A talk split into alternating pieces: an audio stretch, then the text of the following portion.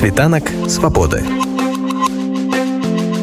Świt wolności. У ранішнім эфіры радыёнет беларуская праграма світанак свабоды для мікрафона Андрусь гаёвы і мы вяртаемся ў Беларусь роўна два гады мінула з таго дня як жыхары берасця падчас пратэстаў зладзілі вялізны карагод і каля 20 хвілін танчылі на дарозе пазней улады завялі на ўдзельнікаў акцыі за так зва так званую карагодную справу якую судзілі некалькі соцень берстаўчан агульная працягласць тэрмінаў зняволення паводле выракаў ім склала больш за 100 гадоў. Мая калега Алена прыходзька паразмаўляла з удзельнікам тых падзеяў, які атрымаў прысуд, але не стаў чакаць, калі яго накіруюць на так званую хімію, а з'ехаў з краіны. Ён узгадвае тое лета і распавядае, як потрапіў ва ўкраіну.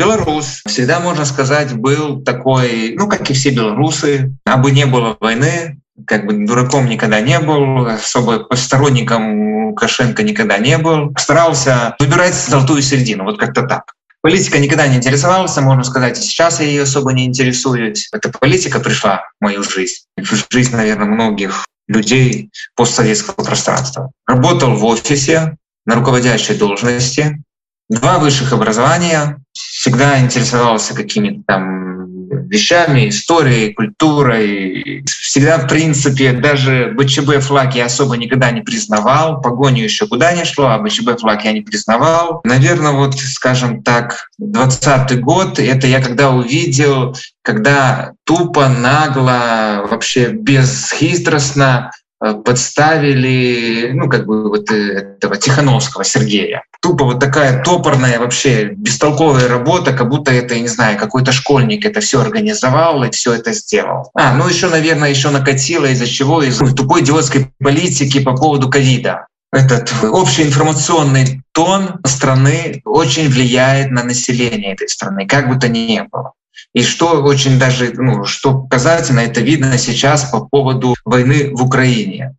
В любом случае, большинство белорусов как бы войну ну, не поддерживают войну, но все равно у многих проскакивает нацисты, нацисты, нацисты, нацики какие-то в Украине. Хотя это полнейшая чушь. Плюс еще, ну, как бы я работаю в офисе, в экономике, они ну, связаны с экономикой, и я вижу, как у нас работает, как, что, какая коррупция, что не до законов власть имущим, ну, как бы это тоже все наложилось. Сами выборы, я вообще 9 августа собирался работать. Мне надо было работу сделать, мне там срочную. Я собирался работать, но мне для работы нужен был интернет.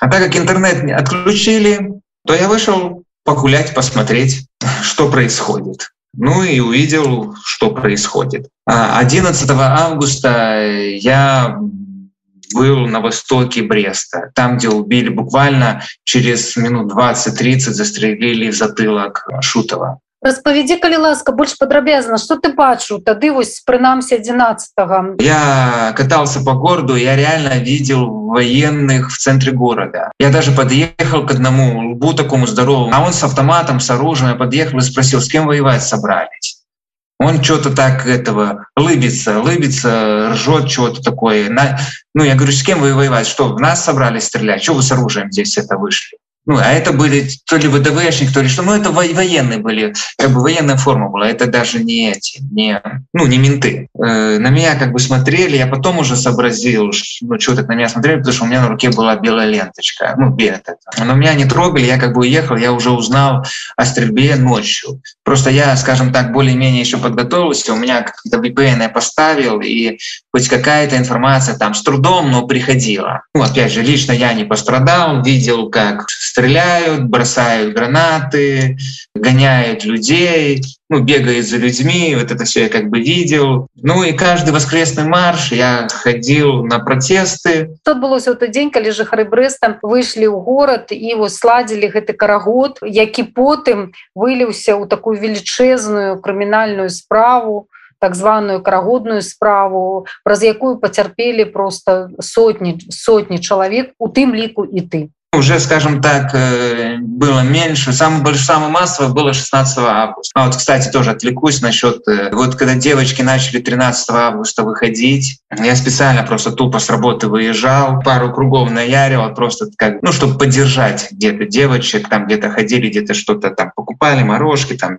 цветочки вот такого плана. Да. Первый день просто действительно девочки боялись, им страшно было. Я просто видел, когда приезжал авто, ну, эти мусора приезжали, автозак, девочкам очень страшно было. Ну, видно, что руки дрожат, коленки трясутся, но они стоят. Я считаю, что вот, вот, вот этот толчок был. Я вообще убежден, что Беларусь от солдафонов может спасти только женщина. Вы же этих тупых солдафонов нагнали во, это, во власть, и они сейчас вот это творят. Самый массовый марш был 16 августа большой, там, по через Ковалевку шли вроде бы как, да, через Ковалевку шли, ну, там, короче, там вышли из центра. Потом все как бы на спад пошло, ну, очень многих задержали, все равно какая-то усталость. И вот 13 сентября шли по центру, и в какой-то момент э, прозвучала идея, ну просто поставили колонку в середине, включили музыку, и в какой-то момент люди просто начали водить хоровод. Все радовались, все, все, все были такие, там,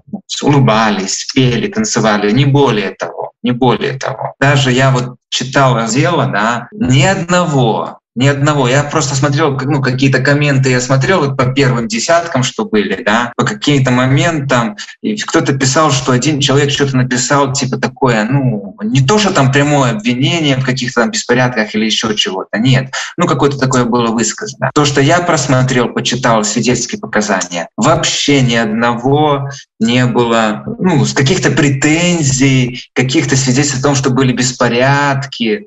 Ну да, становились да, да, перегородили дорогу, но не более того, не более того. Ну, там ИПшники, которые э, все ну, писали, что нам никаких, никакого ущерба вот этим всем не этого, потому что они опрашивали всех, лишь бы притянуть за уши какой-нибудь ущерб. И весь ущерб, что там нарисовали, там весь ущерб нарисовали не больше 300 баксов.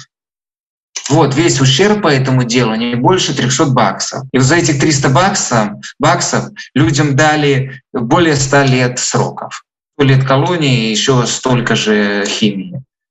Вот за, за этих 300 баксов. И я смотрел, смотрел расчет ущерба. Ну, я как экономист, я смотрел как расчет ущерба. И что я могу сказать? Просто, ну, я не помню, там автобусный, там написано, короче, там два, автобусный и троллейбусный парк. Им просто скомандовали, и они, ну, как бы что-то нарисовали. Не помню, какой из них, то ли автобус, то ли троллейбус, это вообще нарисовал что-то ущерб в районе там 50 рублей там 60 рублей, где-то 20-30 баксов, ну где-то в районе 20 баксов. Такой нарисовал, такой поменьше. А уже другой написали, э, ну, всю основную массу, до, до, до этих до 300 баксов докрутили. Там, даже меньше, там 300, там 600 с чем-то рублей было. По курсу это было ну вот где-то вот в этих пределах. И там просто с потолка какие-то вот э, плановые показатели, ну и просто ерунда просто ерунда плановая, которая с потолка взята. И вот они по этому делу нарисовали уголовное дело. Люди потанцевали, там сколько, наверное, минут 20, ну 30. Потом приехал автозак, ну не, не автозак, а этот водомет приехал, там автозаки с другой стороны, и, там бусики, не, ну, и, короче, начали людей разгонять. Само это объединение людей, как оно отбывалось? Не было лидера, который сказал так и так, Э, ну, скажем так, общеизвестного лидера, который сказал так и так, там-то собираемся.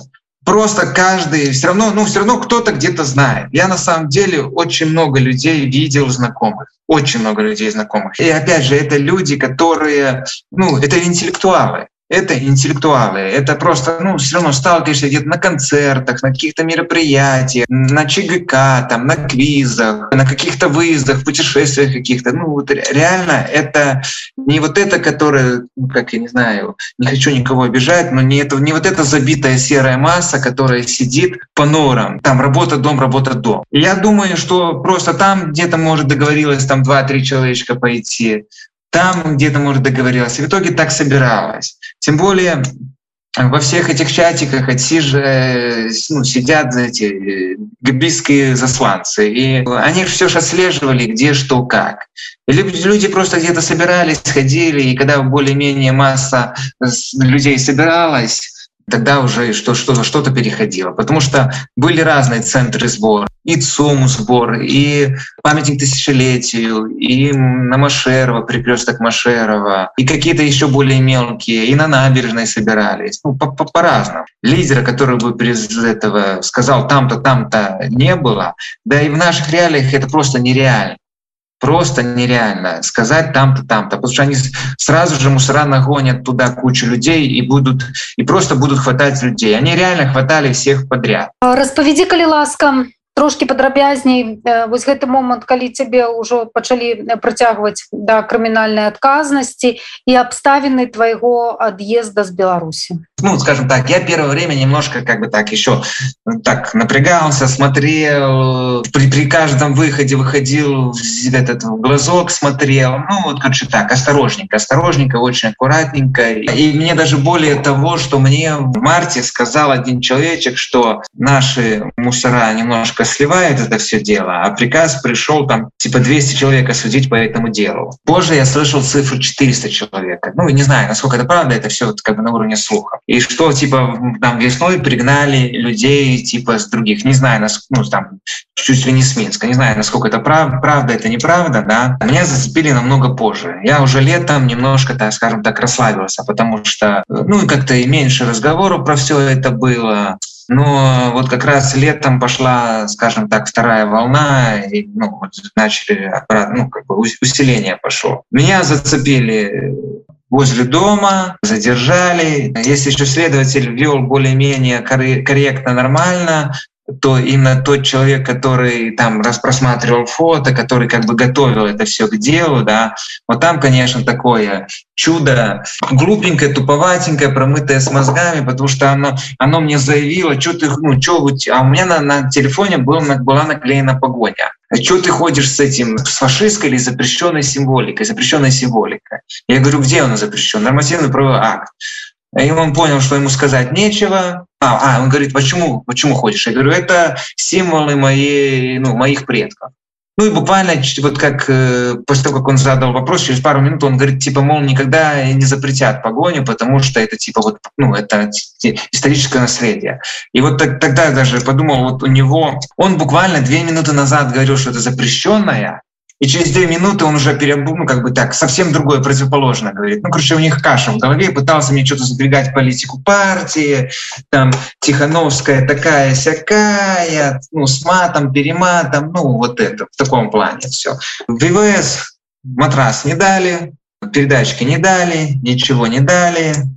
Через некоторое время меня выпустили, я сидел, подписка о невыезде, а я как бы долго думал, что, ну, как бы я думал, рыпаться, не рыпаться. Если бы я знал сто процентов, что будет домашняя химия, то я, наверное, бы даже не рыпался.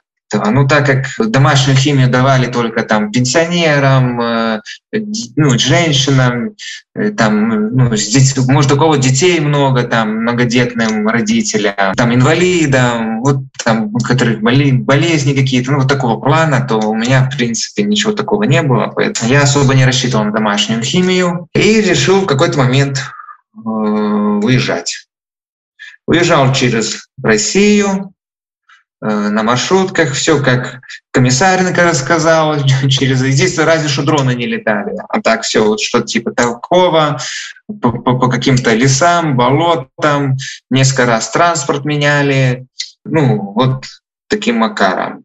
Ну, вообще путь подсказал, как ехать, чего, ну, что делать, как ехать, байпол, через байпол это все. Я не знал, как это все будет выглядеть. Я думал, что просто какие-то люди приедут, помогут, там где-то что-то. Но по факту получилось, что просто примерно сказали, куда, э, куда заехать, на что сесть, как дальше, потом вы, выехать в Россию, там тупо ночью мне, я вы, вышел где-то даже не в городе, под городом, там 7 километров до города, вышел там, сказали на общественном транспорте не ездить, потому что, чтобы не палиться. Пешочком дошел до города, там нашел какое-то такси, и на такси, там километров 500 на такси ехал еще. Добрался до Белгорода, две ночи пере, это, перекантовался, переночевал. Там у человечка, который собирал деньги. Потому что пересекать границу, это же денег стоит. Нас пять человек, да, получается, пять человек, ну, оттуда уже повезли через границу. Границу пересекали тоже, как, как в кино показывают. Э, след в след идешь, ключку один человек поднимает, приподнимает ну, этот нижний ряд колючей проволоки, кидает матрас, приползаешь по матрасу под колючкой, передают этот, ну, рюкзаки передают, потом тоже сидели, ждали, пока патрули пройдут. Ну, ребята на этом, скажем так, живут. Вот эти, которые перевозили нас, они на этом живут. Сколько каштуе один человек? У меня поездка получилась больше двух, двух тысяч, ну, скажем, переход получился больше двух тысяч долларов. Короче, пересек границу, в суммах нас высадили, ну и дальше уже кто чем занимаешься. Насколько мне вядома ты зараз без пашпарту больше тому что твой пашпарт застался у міграцыйнай службе Украины. Ну да да он сейчас в миграционной службе я скажем так поддался и через, там, через небольшое время началась война я там еще э, в Киеве побыл там больше трех недель. Ни работы ни жилья нету ну по сути что там ловить? Світанак свабоды. Świt wolności.